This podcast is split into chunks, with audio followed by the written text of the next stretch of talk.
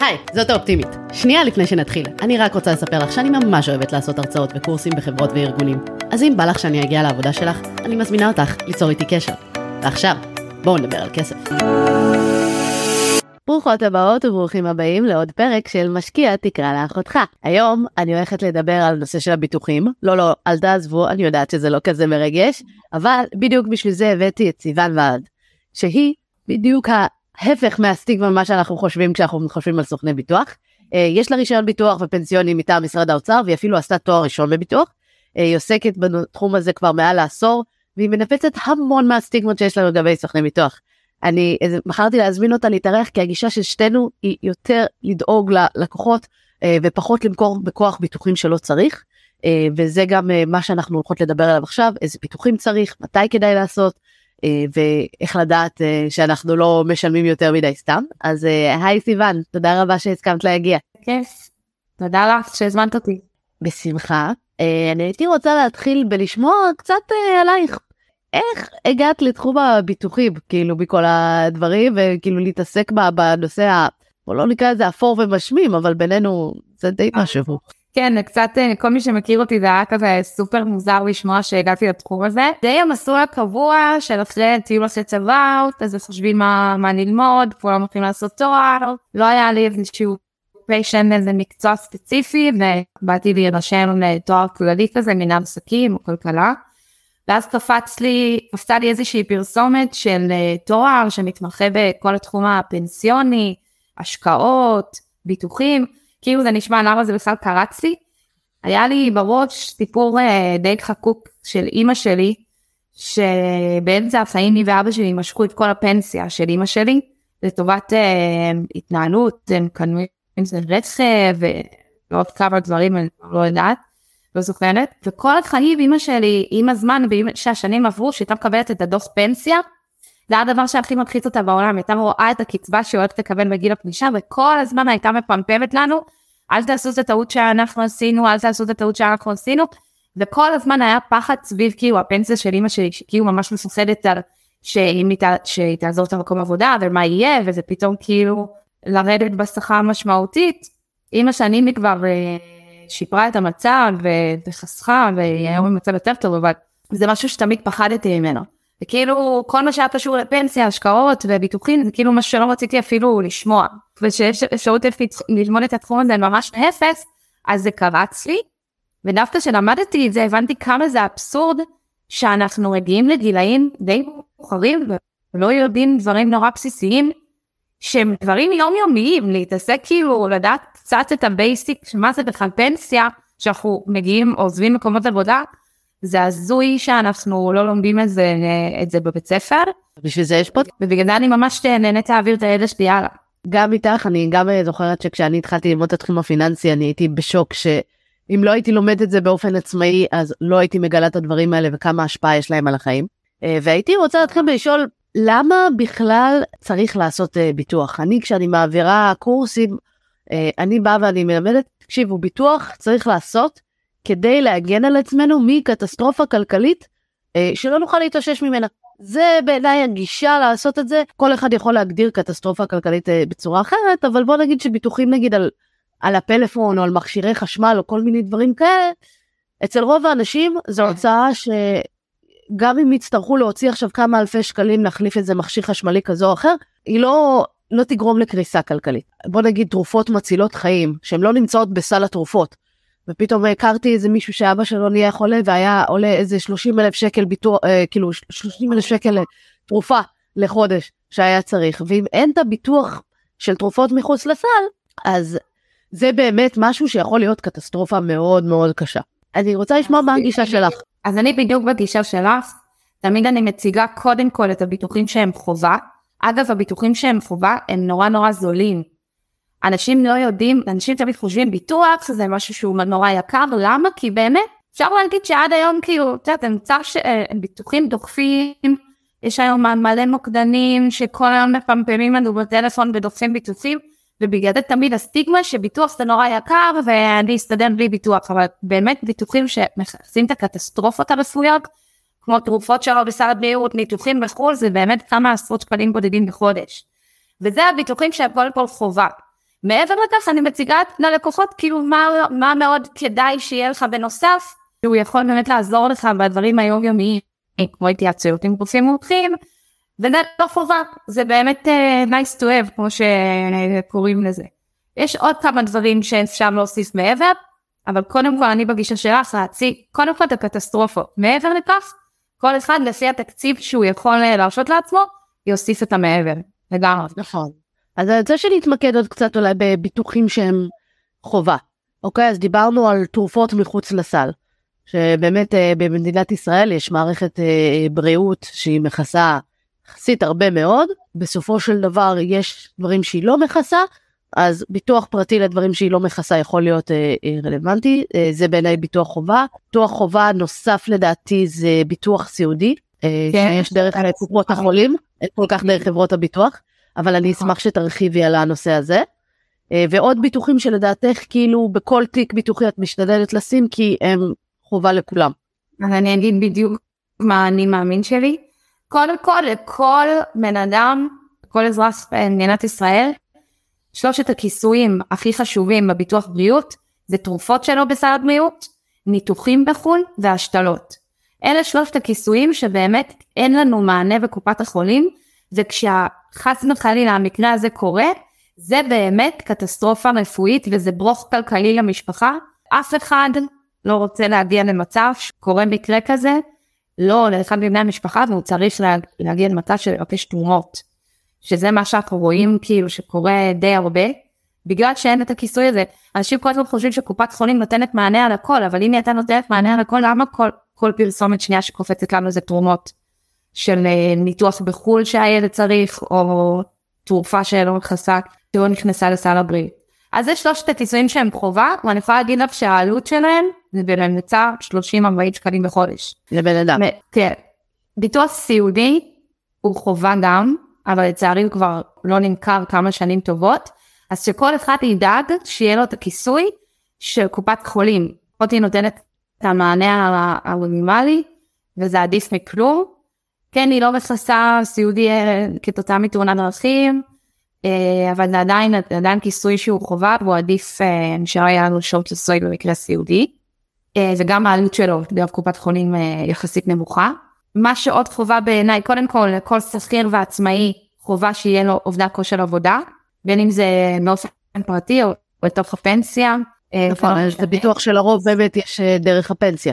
נכון, ואני חושבת שחובה גם אה, מחלות קשות לילדים, לילדים קטנים. כן. זה גם ביטוח שהוא נורא נורא זול, כמובן אפשר לבחור את הפיצוי, כמה פיצוי אנחנו צריכים אם חס וחלילה קורה מחלה קשה לילד. למה? כי במקרה של מחלה קשה לילד, אין לנו, אין לנו, אף אחד לא מפצה אותנו. לנו, אם חס וחלילה קורית מחלה קשה, לנו, שלא נדע, אז יש לנו את קרן הפנסיה או את הביטוח אובדן כושר העבודה שלנו, שיפצה לנו 75% מהשכר, וזה נותן לנו איזשהו אה, רווחה כלכלית, כאילו אה, להתעסק עם המחלה ולפנות לכל, ה, לכל ההתנהלות הרפואית. אבל כשקורה איזושהי מחלה לילד, ברוב המקרים שני ההורים מורידים אחוזי משרה, לפעמים אחד ההורים לגמרי מפסיק לעבוד כדי להתפנות לטיפול הרפואי של הילד, וההוצאות ממשיכות לרדת כרגיל וההכנסות יורדות משמעותית, אז הכיסוי של המחלות קשות זה פיצוי חד פעמי לחשבון הבנק שנותן לנו איזשהו, איזשהו אוויר כלכלי, חודשים שאני... שנה בצר על הטיפול בילדים. אני מסכימה, אני שנים באמת הביטוח הזה הוא קצת אה, הרגיש לי מיותר, כי באמת ניסו למכור אותו למבוגרים, ואמרתי, אני לא בטוחה למה אני צריכה פיצוי חד פעמי למקרה שקורית לי איזושהי מחלה, אבל כן אה, עבור ילדים, גם מבינה את ההיגיון וגם העלות תועלת, אה, כלומר לילדים זה מאוד מאוד זול. נכון.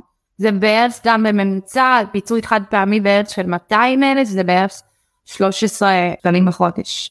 וכמובן, ואז מעבר לכך יש את הכיסויים שהם אה, מבחינתי כן אה, כדאי להוסיף, למה?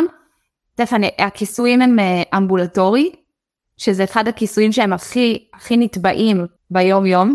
תסבירי מה זה, כי זו לא מילה כזאת מובנת. כן, אמבולטורי זה כיסויים ה... היומיומיים, התייעצויות עם רופאים מומחים, טיפולים, פיזיותרפיה, בדיקות אבחנתיות, ממש כאילו זה כיסוי שרובנו טובים ממש ביום יום ואנחנו מקבלים לי שם החזרים נורא נורא יפים. עכשיו, למה זה כיסוי שהוא לא חובה? כן יש איזושהי מענה בקופת חולים למקרים האלה, אבל בקופת חולים כמובן זה תורים נורא ארוכים, השתתפויות עצמיות, גם זה יש לנו בלם, נגיד אם את רוצה התייעצות עם רופא מומחה, יש איזה שלוש, שלושה התייעצויות בשנה, דרך קופת חולים זה גם התורים נורא נורא ארוכים, את צריכה את זה עכשיו, אז זו התור חצי שנה קדימה. אז כאילו את גם לפעמים כבר גם מקופת חולים וגם מהביטוח הפרטי. אני מסכימה, אחד שותף שזה גם, זה ביטוח שהוא בעיניי יותר uh, nice to have, אבל הוא נותן המון שקט נפשי. זוכרת שהיה לי איזה, מצאו לי איזה ממצא חשוד בכבד, לא יודעת מה, והייתי בלחץ והייתי בסטרס.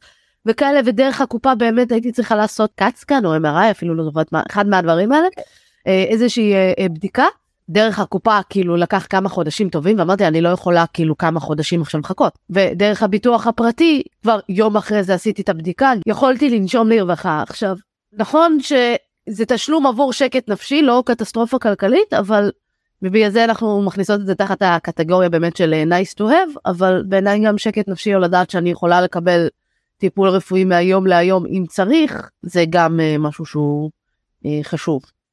ממש ככה. אני יכולה להגיד לך שאין יום שאני לא מקבלת קבלות עבור החזרים uh, מהלקוחות שלי לכיסוי הזה. זה ממש הכיסוי שאני תובעת אותו כי הוא על בסיס יומי עבור הלקוחות שלי. זה יכול להיות כזה קבלה של אפילו ייעוץ גנטי או כניסה להיריון של 3,000 שקל על כל אחד מהם אז החזרים גם גבוהים, מוציאים אותנו גם ככה, ואין לנו החזרים דרך קופת החולים, אז זה ביטוח שלגמרי מומלץ, אבל הוא לא קטסטרופה בדיוק. מעבר לכך יש לנו את הכיסוי של ניתוחים בארץ. ניתוחים בארץ אם תסתכלו על כל אחד יכול לרוב רוב הפרמיה שהוא משלם על ביטוח בריאות זה הכיסוי של ניתוחים בארץ זאת, זה ממש החלק היקר בביטוח ופה גם יש לנו מענה בקופת חולים אבל רוב האנשים מעדיפים שיהיה להם איזושהי פריבילגיה של לבחור את המנתח, שאם אני צריך עכשיו ניתוח אז ממש תוך כמה ימים אני יכול להתבצע, וקופת חולים שוב זה, ניתוח, זה תורים נורא ארוכים, לא תוכלי לבחור את המנתח ברוב המקרים יש פעמים שכן גם, וגם יש השתתפויות עצמיות דרך קופת חולים, חלק מהניתוחים. אז שוב, זה כל בחירה של כל אחד לפי התקציב שהוא יכול אה, לשלם בחודש, אז ממש זה ממש כמו פירמידה, מה חובה, מה, מה כדאי ומה אפשר לוותר. עוד כיסוי זה הביטוח חיים. כל בן אדם שיהיה, שהוא תומך כלכלית בבן אדם אחר, שאם חס וחלילה הוא ילך לעולמו, ויש בן אדם שיזדקק לכסף הזה כי הוא ירמס אותו, זה ביטוח גם שהוא חובה, אבל גם לא לזרוק סתם מספר, כמו שאני רואה הרבה פעמים כאילו מבוטחים אה, בביטוח חיים על שתי מיליון, למה? כי זה מה שאמרו לי. זה, זה לא מספר שזורקים, יש לזה ממש מחשבונים שאפשר לבדוק בדיוק כמה כל בן אדם יהיה צריך לבטח את עבור ביטוח חיים, שזה גם כולל שאפשר להוריד משם כמה כסף אנחנו נקבל, היורשים שלנו יקבלו בפנסיה, כאילו בקצבת שאירים בתוך הפנסיה, יש לנו קרנות השתלמות, יש קופות גמל, יש חסכונות, יש לזה ממש מחשבון שחשב כמה ביטוח חיים אני צריך לעשות, זה לא מספר שסתם זורקים. אז אני יכולה לספר סיפור ככה בהקשר הזה. כשאני הכרתי את הבן זוג שלי וזהו היה משלם ערך אלף שקל לביטוח. הוא היה בחור צעיר, בן 25, בלי ילדים, בלי זה, אלף שקל לביטוח אה, לבן אדם שהוא סך הכל בריא והכל, לא סכום הגיוני. דיברתי איתו ועשינו אה, לימוד צרכים והכל וניסיתי להבין על מה הוא משלם כל כך הרבה והיו לו המון ביטוחים מיותרים. בדיוק כמו שאמרת אחד מהם זה היה ביטוח חיים אה, על סך אה, מיליון שקל, והוא אמר, מה, מה הבעיה? אם אני מת, אני מקבל מיליון שקל. הוא לא הבין את האבסורד ש... שהיה בדבר הזה. באמת עשינו אז אחר כך ליבון צרכים, הבנה, והבנו מה צריך, ועברנו לשלם אה, בערך 250 שקל לחודש עבור שנינו, במקום 1,000 שקל לחודש אה, רק עבורו. שזה וואו. באמת שינוי משמעותי. אז אני הייתי שואלת אותך קצת על הביטוחים המיותרים שאת רואה. באיזה מקומות את רואה ביטוחים שהם לרוב את מבטלת אותם, אומרת לאנשים, חבר'ה, תקשיבו, אתם לא כל כך צריכים את הביטוח הזה, חבל על הכסף, עדיף שתשימו אותו על דברים שאתם, אה, שבאמת יהיו שם במקרה הצורך. אז רוב הביטוחים שאני רואה, ואני נתקלת בזה ממש באופן יומיומי, זה ביטוח חיים אה, לרווקים, כלכלית ואף אחד. עכשיו, שוב, זו הגישה שלי, יש גישה של הרבה סוכנים שאומרים לרווקים, תעשו ביטוחים היום, ביטוח חיים היום, כל עוד אתם בריאים, למקרה שחלילה בגיל מאוחר יותר יהיה איזושהי מחלה, ואז אתם תקנו דירה, תוכלו לשעבד את הביטוח הזה למשכנתה. הכי עצוב זה שאני רואה שלפעמים יש להם ביטוח חיים, רק ביטוח חיים, בלי בכלל ביטוח לקטסטרופה רפואית. פחות מאמינה שזה קורה מול סוכני ביטוח אה, עצמאיים, או אני, זה, זה קורה בכל המוקדנים שמתקשרים ועושים ביטוח בלי בירור צרכים, בלי כלום. אז הכי קל לעשות ביטוח חיים תוך שנייה ללקוח בטלפון. רוב העם מחזיק בביטוח תאונות אישיות, ואיזה ארבע פוליסות של תאונות אישיות. בלי ביטוח בכלל. ארבע פוליסות של תאונות אישיות, והישראלים נורא אוהבים את זה. למה? כי כל הזמן המוקדנים דופים להם את העניין הזה, היא תשבור יד, כי זה נשמע, כאילו זה יותר אה, נשמע דברים שקורים באמת ביום יום, תקבל פיצוי, נורא, נורא אוהבים לקבל פיצוי כספי. אבל הם משלמים על זה הון תועפות בחודש, ואז אם קורה סטטוס קטסטרופה רפואית, אין להם מענה בכלל. אז זה הזוי, זה משהו שאני אומרת, תבטלו ותעשו את הביטוחים שהם קריטיים, ואת הכסף... אני מסכימה, אגב, בעיניי זה אחת הדרכים לסנן סוכני ביטוח. האם הם מציעים לי ביטוח תאונות אישיות או לא. אם בן אדם מציע לי ביטוח תאונות אישיות, אני מבחינתי אומרת, אוקיי, אה, זה לא סוכן ביטוח ששווה לעבוד איתו. שוב, אני לא אומרת שזה מה שצריך, אבל ל-99% מהאנשים זה לא מתאים, זה פשוט ביטוח שבא ואומר, שברתם יד, תקבלו פיצוי של 3,000 שקל, שברתם אה, רגל, תקבלו איזה 5,000. לרוב האנשים זה לא קטסטרופה כלכלית שלא יכולה לעמוד בה, יש לנו ביטוח אובדן כושר עבודה מהפנסיה, יש לנו קרן חירום אם אתם מתנהלים נכון, כמו שצריך, יש טיפול רפואי דרך הקופות חולים, אז עבור מה אנחנו צריכים, כאילו, מה ייתן לי החמשת אלפים שקל האלה? אז כמו שאמרת, 99% מה, מהאנשים באמת לא זקוקים לתאונות אישיות, יש אנשים שרוצים, יש להם את הכסף לשלם, והם עדיין חוסכים כסף כל חודש. אני, זה יותר ביטוח שהוא מתאים לעצמאים, שעובדים ברמת סיכון גבוהה, אבל גם את זה כבר הרבה הבינו שזה באמת אה, ביטוח אה, מיותר, וגם משהו. שימו את הכסף בצד וזהו, לא שברתם יד, הכסף נשאר אצלכם. שברתם, אוקיי, אז קחו משם את ה-2,000 שקל ולא תצטרכו להתעסק עם טפסים של חברת הביטוח. כן, בעיניי זה הרבה יותר... היו רוכשים את הביטוח הזה כי כאילו היה בפנים גם אפשרות להרחיב לנכות תעסוקתית.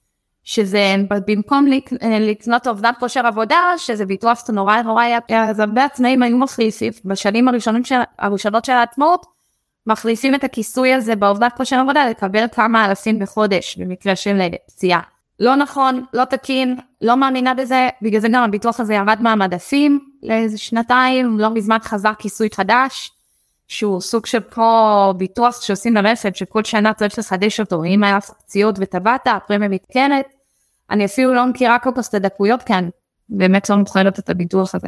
את הזכרת כמה פעמים את הקטע של אה, מכירת ביטוח בטלפון. אני הגישה שלי, וזה מה שאני גם תמיד אומרת אה, לאנשים שאני נותנת טיפ כלכלי, זה אם יתקשרו אליכם בלי שאתם ביקשתם, בלי שזה סתם ככה ואומרים לכם, אה, בואו אנחנו, יש הטבה שמגיעה לכם, יש זה, זה, חבר'ה, זה אומר שזה מאוד משתלם לצד השני, זה לא בהכרח משתלם לכם. ועושים את זה עם ביטוחים, עושים את זה עם אה, מכירה של אה, כל מיני דברים אחרים, דברים, עזבו שלא כדאי למכור, כאילו לתת פרטים של כרטיס אשראי או פרטים מזהים באופן כללי לסתם מספר שמתקשר אליכם בטלפון, זה ברור. אתם רוצים עכשיו לעשות ביטוח, תקשרו לחברת הביטוח. שבו עם סוכני ביטוח, תעשו, אבל אל, ת, אל תיתנו פרטים למישהו שיתקשר אליכם סתם, זה באופן כללי. זה ככה תמיד הבעיות שלי, יש מספיק עוקצים, יש מספיק זה, אבל כמובן שבנושא הביטוח ספציפית יש גם עוד הרבה בעיות אחרות שצצות כשמתקשר אליי פשוט איזשהו נציג שהוא לא סוכן, הוא לא בעל ידע מקצועי, ומוכר לי אה, ביטוח כזה או אחר. תתפלאי לשמוע, המון המון המון אנשים קונים ביטוחים בטלפון. לפני כמה ימים הייתה לי שיחה עם אה, סוכנות ביטוח, זה חלק סוכני ביטוח עצמאים, ויש לו מוקד מכירות של מוגדלים שיושבים ומוכרים אה, ביטוחים בטלפון. היא אומרת שהמוקד מצליח למכור פי כמה וכמה מהסוכני ביטוח שעושים פגישה כמו שצריך, מוציאים דוח לפני זה, עושים ניתוח תיק, יושבים עם הלקוח, מסבירים לו מה הוא צריך, מה הוא לא צריך. ודווקא שיושבים ומסבירים ללקוח, זה כאילו נותנים לו פתאום מעמיסים עליו ומידע, מנחיצים אותו, וזה דווקא גורם לו להירתע וכאילו לחשוב על הדברים ופחות, וכאילו לא לקנות ישר. אבל כשבא מרדן בטלפון ואומר לו אתה צריך ביטוח חיים, טה טה טה, שואל אותו שלוש שאלות רפואיות, אומר לו מחיר, טאק, נותן כרטיס אשראי. כאילו, הפשטות הזאת כאילו גורמת ללקוחות, לא יודע, אני עדיין לא מצליחה להבין את זה, ואני כבר המון שנים בתחום, וזה פשוט עצוב שזה עדיין קורה. זה עדיין, כאילו זה נשמע לנו כבר כאילו משהו שהוא נורא פסה, כאילו לרכוש בטלפון, לא, זה עדיין שם, עדיין קורה. ובגלל זה, וגם האבסורד שבסוף קוראים לרוב, קורה לרוב הלקוחות. דוחפים להם, דוחפים להם בטלפון, הם נותנים כרטיסי אשראי, יאללה תעשה, יאללה תעשה. קונים כמויות של ביטוחים מיותרים, עובר שנה, עובר שנתיים, עובר שלוש, רואים פתאום את הפירוט אשראי, חוטפים עצבים, מבטלים הכל. ולא רוצים לשמוע, פתאום יש להם כזה כבר, כבר סטיגמה על ביטוח, לא רוצים לשמוע את המילה ביטוח, ואז הם מבטלים הכל. אין להם אפילו את הכיסויים הבסיסיים, שזה באמת כמה עשרות שקלים בחודש, ואז חס וחלילה שקורה מקרה, אין להם כיסוי לכלום. בגלל זה אני אומרת, לרוב האנשים, תפסיקו לקנות בטלפון. תעשו פגישה כמו שצריך, אפילו תעשו לפני זה שיעורי בית, וכן תקדישו לזה כמה שעות, תסיימו עם זה, תרכשו באמת את הכיסויים שאתם צריכים, וזהו, ו- ואז יש לכם שקט. ואחת לשנתיים תעשו את זה שוב. תעברו שוב על הכיסויים, תראו מה יש לכם, מה אין לכם, ואז יש לכם שקט. אתם יודעים שלפחות יש לכם מענה על הדברים החשובים. גדול מה שיש לי להגיד על כל התחום של המגדלים והמכירות ו... והכיסויים המיוחדים. אני מסכימה לגמרי, אני חושבת שזה לא דבר שצריך למכור דרך הטלפון, גם כמו שאמרתי, יש את הסטיגמה של סוכני אה, ביטוח, שזה אנשים מאוד אפורים, מאוד משעממים, שמנסים לדחוף לי כל הזמן אה, בכוח אה, ביטוחים. נניח אמרנו, אוקיי, לא לקנות דרך הטלפון, צריך לעשות ליבון צרכים, צריך להבין הכל. איך אני יכולה עכשיו לזהות, נניח ישבתי עם סוכן ביטוח, איך אני יכולה לדעת אם הוא מישהו שהוא מנסה למכור לי דברים באמת בכוח, או ולהפחיד אותי לקנות ביטוח כזה או אחר, או שמדובר באמת באיש מקצוע שרואה את טובתי, כי גם בסוף, הרבה פעמים האינטרסים של סוכני הביטוח קצת מנוגדים לאלה של הלקוחות. כי נכון. סוכני ביטוח, ככל שקונים יותר ביטוחים, מתוגמלים יותר. אז ככה, יש כמה דרכים, אבל קודם כל רוצה להגיד שהניגוד אינטרסים, קודם כל, יש את זה בהרבה מקצועות, וזה לא רק אצל סוכני ביטוח. אז נכון אנחנו מקבלים את השכר מחברת הביטוח אז יש פה איזשהו ניגוד אינטרסים אבל סוכן ביטוח שהוא עצמאי והלקוחות הם באמת לקוחות שלו המטרה שלו שהלקוחות ילכו איתו לטווח ארוך ימליצו עליו ואז סוכן לא ירצה רק לדחוף לאותו לקוח שבסוף גם הוא לא ימליץ עליו ובסוף גם יעזוב אותו. אז אנחנו מבחינתנו זה באמת אה, יחסים שהם בטווח ארוך אז אין שום סיבה שנעשה משהו שהוא מנוגד לאני המעמיד שלנו. זה מה שלפחות אני מאמינה ואני מכירה הרבה סוכנים וכולם באמת אמינים וכולם עובדים לפי השיטה הזאת. וגם אני חייבת להגיד שרוב הסוכנים מקבלים כמעט את, אותו, את אותם עמלות מכל חברות. יש קצת חברות שמשלמות טיפה יותר, טיפה פחות. הנה ראינו את הדוגמה כשאלטשולד שחר היו כמה שנים מקור ראשון בצורות, ואלטשולד שחר משלם את הסוכנים פחות משאר חברות, עדיין כל הסוכנית שמו את הלקוחות שלהם שם. למה? כי אין שום סיבה שהם ישימו בחברה אחרת שהיא פחות טובה, בסוף יעזבו אותם, אז מה זה משנה? וגם אני חושבת שגם רוב, כי רובנו, רוב הבעלי מקצוע הם אנשים אמינים. כל הזמן מראים לנו את הקיצון, את, את, את הנוכלים, אבל הם באמת מיעוט. לפחות זה מה שאני רואה. לא יודעת שיש ניגוד אינטרסים ובני אדם עובדים על תמריצים. נכון, וזה גם בהרבה מקצועות, לאו דווקא אין סוכני ניתוח, נכון? אני מסכימה את זה. דרך לסנן זה לשלם עבור הפגישה. היום גם רוב הסוכנים עושים את זה, כי באמת גם העמלות של רוב הסוכנים, של הסוכנים ירדו משמעותית. תשלמו עבור פגישה, לא משנה אם זה סוכן ביטוח או יועץ פנסיוני, תשלמו סכום חד פעמי על פגישה, לניתוח תיק, פנסיוני, ביטוחי. מה שחשוב שגם הפגישה לא תהיה רק על ביטוחי. יש כאלה פעמים פונים אליי, לא, אני לא רוצה תיק הפנסיוני, אני רוצה רק על הביטוחים. אבל בפנסיה יש ביטוחים, חשוב להבין שהסוכן חייב לראות את כל התמונה. בסופו של דבר, שהוא יצטרך לראות כמה ביטוח חיים אתה צריך, חשוב שהוא ייקח בחשבון גם כמה כסף יש לך בקרן השתלמות, כמה קצבת שאירים אתה היורשים שלך יקבלו, כמה השכר שלך מבוטח, מלא פעמים השכר מורכב גם מהעמלות, ואז הפנסיה לא מבטחת את כל השכר, ואז יש חלק של שכר שלא מבוטח שצריך להכניס אותו לביטוח חיים. באמת צריך לראות את כל התמונה ההוליסטית, זה משהו שהוא סופר חשוב, תשלמו על פגישה חד פעמית, שיעשו לכם ניתוח תיק מעמיק, תגידו שאתם רוצים המלצות בלבד, ואז הפגישה הופכת להיות פגישה אובייקטיבית ולא מכירתית. כי אותו סוכן בא, משלמים לו שכר עבור העבודה שלו, עבור הניתוח תיק, עבור כל הידע שלו, הוא בא נותן את כל ההמלצות, ואז עם ההמלצות אתם יכולים בסוף ליישם אותה לבד, למרות שלא מומלץ, כי בסוף זה, זה לא שהרבה אנשים בסוף קונים, חושבים שאם קונים ביטוח לבד הם משלמים מחיר נמוך יותר, אז לא, אתם משלמים בדיוק את אותו מחיר עם סוכן או בלי סוכן, לפעמים אפילו עם סוכן תקב, תקבלו מחיר נמוך יותר. אז או יכולים ליישם את זה אצל הסוכן שאתם אה, בסוף אה, מתחברים אליו, או שעוד אצל אותו סוכן שנתן לכם את ההמלצות והיה לכם סבבה איתו והצרכים. זה מה שאני חושבת שכל אחד צריך לעשות. אני מסכימה גם, כלומר להסתכל על המקצועיות של הסוכן אה, ביטוח, לראות כמה באמת מסתכלים על התמונה ההוליסטית, בודקים גם מה יש בפנסיה, מה יש בחסכונות, מהם הסיכונים האמיתיים לאותו תא משפחתי, ולפי זה להחליט, ולא רק להגיד, אוקיי, הנה א', ב', ג', נכון שיש את הכמה ביטוחי חובה שאמרנו שהם רלוונטיים לכולם, תרופות מפילים לסל, זה, אבל כן להבין את הסכומים, כן להבין את הדברים, כן להבין את הסיכונים שיש לכל אחד, ואז לפי זה לקבל את ההחלטה ולבנות תיק ביטוחי, ולא, אוקיי, קחו ביטוח חיים למיליון שקל וקחו ביטוח כזה וביטוח כזה וביטוח כזה. העלית אה, נקודה כי היום גם יש כל מיני מנועי אה, חיפוש ומנועי השוואה בין מחירים של ביטוח ונורא קל לאנשים לעשות uh, ביטוח באינטרנט.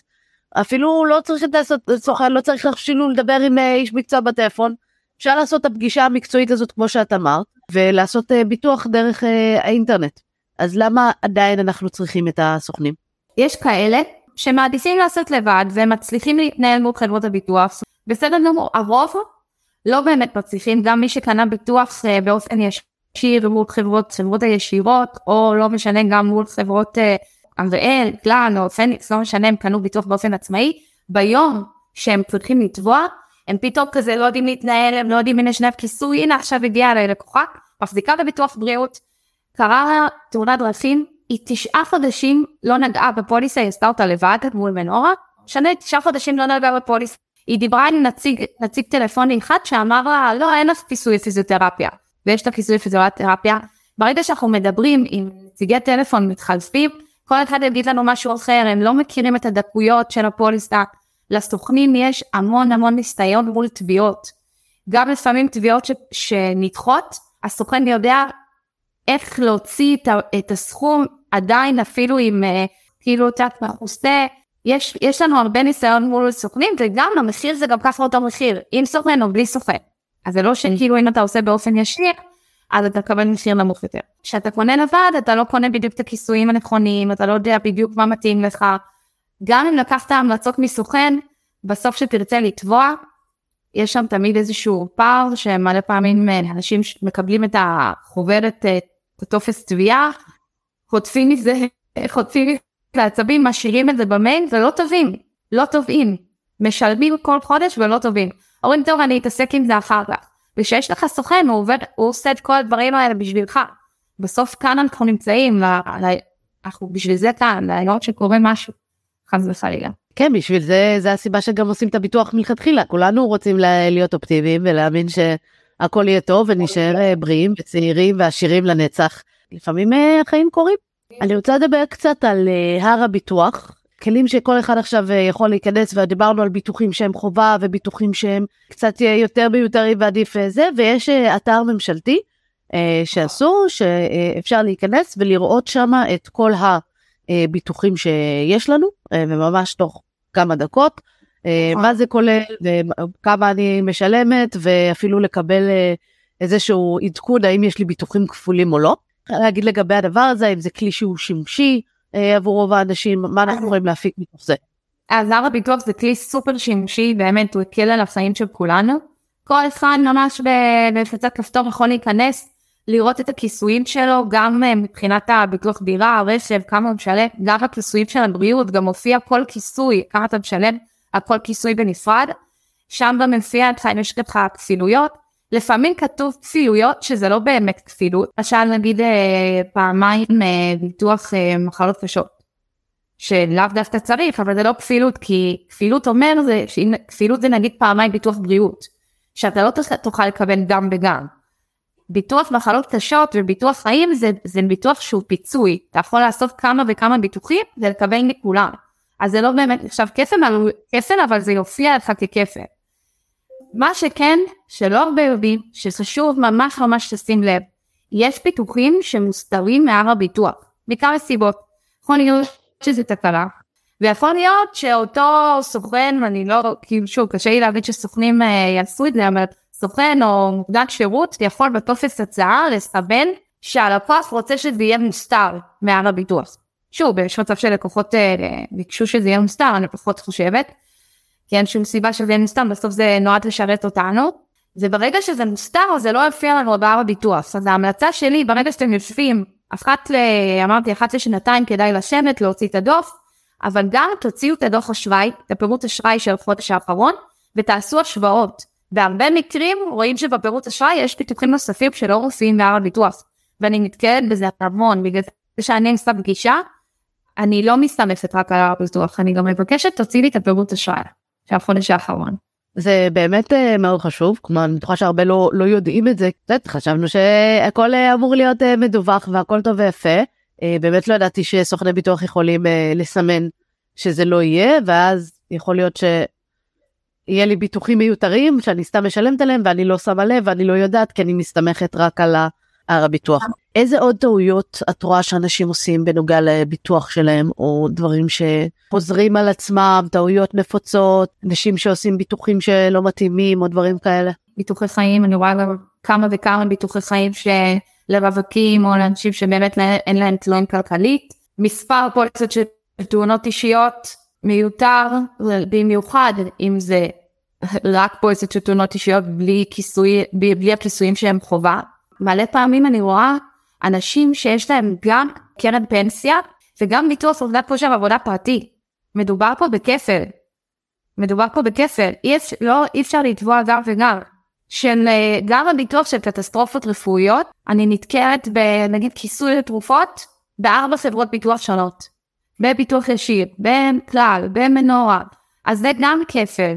שימו לב, זה, זה ביטוחים שאי אפשר לתבוע אה, כמה פעמים, אתם תצטרכו לבחור כיסוי אחד. ואנשים עדיין משלמים אה, על אותו כיסוי כמה פעמים. לבחור פיצוי לביטוח חיים או למחלות קשות בלי שום, אה, בלי שום בדיקה. למה אני צריך את הפיצוי הזה? כאילו לזרוק סתם מספר? כי נחמד לי, כן הייתי רוצה לקבל שתי מיליון. לא, תחשבו על זה מעבר כזה ביטוח, ביטוחים שמתייקרים עם השנים, אז שלא יהיה מצב שעוברים כמה שנים הביטוח פתאום מתייקר ואז אתה מבטל אותו לגמרי. כי זה מה שקורה, זה רוב הפעמים כי זה רוב המקרים שאני נתקלת. לא, תבדוק לפניכן, איפה עוד תקבל פיצוי, מה, מה שאמרנו, הפיצוי של הקצבת שאירים בקרן הפנסיה, קצבה של השאירים, אה, כמה יש לך בקרן השתנות, כמה בקופות גמל, כמה חסכונות שלך בצד, תסתכלו על התמונה הכוללת ומתוך זה תגזרו מה הסכום של הביטוח חיים, ככה שגם אם זה ילך להם להתייקר זה יהיה סכום שתוכל לעבוד בו. אני מסכימה לחלוטין. אה, אני רציתי לשאול לגבי הקופות חולים. טכנית רוב האנשים לא כל כך יודעים אבל קופות חולים אה, אה, בארץ אנחנו משלמים מס בריאות דרך התלוש משכורת שלנו ואנחנו לא חייבים לשלם שום דבר מעבר לקופת החולים. כלומר יש את, את, את, את כמה רמות ואם כבר מדברים על כפל אה, אה, ביטוחים נניח ויש לי עכשיו ביטוח בריאות אה, אה, פרטי כמה אני צריכה גם את הביטוח אקסטרה מקופת החולים. לא אז יש את, יש את באמת את המס בריאות שזה את הביטוח ה... הרפואי הבסיסי שזה בעצם הציבורי. שזה אם אנחנו מגיעים לאשפוז או למיון. עליו אנחנו לא אמורים לשלם כל חודש. מעבר לזה, משלמים מתוך המשכורת, לא, לא היה קופת חולים ישירות. מעבר לזה יש את קופות החולים, שזה יש את הביטוח המושלם, שזה הבסיסי, ויש את הפלטינום והמכבי שלי, ואת הכיסויים הנוספים. אז דווקא את הבסיסי הוא כן אה, חובה מבחינתי, כי שם גם יש את כל הטיפולים היומיומיים, אנחנו הולכים לרופא משפחה, אם אנחנו צריכים אה, ייעוץ של... אבל הוא מגיע לכל תושב בישראל, נכון? אבל אין לנו ברירה. אז זה המשלים שאני חושבת שהוא גם חובה. יש, ואז מעבר לזה יש עוד הפלרה. מעבר למשלים יש גם את הפלטינום, שזה מבחינתי ברגע שאתה מחזיק ביטוח רפואי אה, טוב, אין את הש... ברוב המקרים אין שום סיבה לעשות, לעשות את המכבי שלי או את הפלטינום. מה זה נותן? בעיקר כל מיני דברים אה, כמו אה, לייזר בעיניים והנחות לכל הטיפולי שיניים קצת יותר, קצת מעבר. זה נותן אה, כיסוי יותר מורחב להריוניות, אז הרבה נאוניות אוהבות לעשות את הכיסוי הזה גם בקופת חולים וגם בביטוח בריאות, ואז הן טובות גם מכאן וגם מכאן, בחירתו של כל אחד. זה תמיד אני אומרת ללקוחות שלי, ברגע שיש לך ביטוח רפואי טוב, שמכסה, כאילו מיותר. הבנתי, אוקיי. אה, אני גם חושבת שהרבה פעמים אה, להחזיק גם את הרמת ביטוח המקסימלית בקופת החולים, שכשאת הבסיסית מגיע לנו בכל מקרה, לכל תושב במדינת ישראל מגיע, לא צריך לשלם שקל לקופת החולים באופן שוטף, מעבר אולי לכיסוי ביטוח סיעודי, שזה אמרנו, אנחנו מאוד מאוד בעד uh, לעשות, אבל מעבר לזה לא צריך, אם יש ביטוח uh, בריאות נוסף, פרטי, אז לא צריך שיהיה אפשר לתבוע גם את הקופת חולים וגם שם, זה לפעמים יכול להיות גם uh, uh, מקום לאיזשהו כפל ביטוחי, וכמובן תבדקו, תתייעצו, כל מקרה לגופו, תבחנו ספציפית את ה... מה קורה אצלכם. כן. Uh, טוב, אנחנו ככה לקראת uh, סיום, ורציתי לשאול אם יש uh, משהו שחשוב להגיד, לך uh, להגיד uh, למאזינות, מאזינים שלנו, לגבי ביטוחים, פנסיה, כאלה. נגענו כמעט בהכל. אני כן, שוב, אני אמליץ שתעשו את הבדיקה הזאת אחת לשנתיים, מי שלא עשה כבר כמה שנים, תפתחו את הר הביטוח שלכם, תראו שיש לכם לפחות את הכיסויים שאמרנו שהם חובה. אני כן הייתי ממליצה לקבוע אה, פגישה עם אה, איש מקצוע, שיראה את התמונה ההוליסטית של כל המשפחה, גם את הקופות, גם את הפנסיה, גם את הביטוחים, ייתן לכם את ההמלצות, ואז אתם יודעים שיש לכם שקט ואתם יכולים אה, לא להתעסק בזה שנתיים קדימה, כמובן, ושיהיה לכם איש קשר, אתם יכולים לדבר איתו, שאתם יכולים להתייעץ איתו, גם אם אתם עוזבים מקומות עבודה, גם אם דברים השתנו, אתם ילד חדש לעולם וצריך להוסיף uh, ביטוחים, אז תמיד כיף שיש איש קשר אחד uh, לדבר איתו, זה בגדול uh, ההמלצה, זה היה סבבה. Uh, מהמם, סיוון, המון המון תודה. Uh, אם אתם uh, רוצים, סיוון הציע לעשות uh, 50% הנחה לבדיקת כיסוי, בדיקת תיק ביטוחי. שיש לכם אז אני אשים לכם קישור למטה ואיך תוכלו ליצור אה, קשר איתה. כן, מה הבדיקה כוללת? זה לא רק, זה בדיקה כוללת גם תיק פנסיוני וגם ביטוחי ביחד. נכון, אנחנו באמת אה, דיברנו רק על הביטוחים היום, כי יש לנו כבר פרק על הפנסיה, אבל בהחלט כדאי לעשות בדיקה הוליסטית, וכמו שאמרנו, בגלל שהרבה מאוד מהביטוחים גם קיימים בפנסיה עצמה, צריך אנשים שמבינים בשני הדברים כדי לראות את התמונה המלאה. אז אתם יכולים ליצור קשר עם סיוון.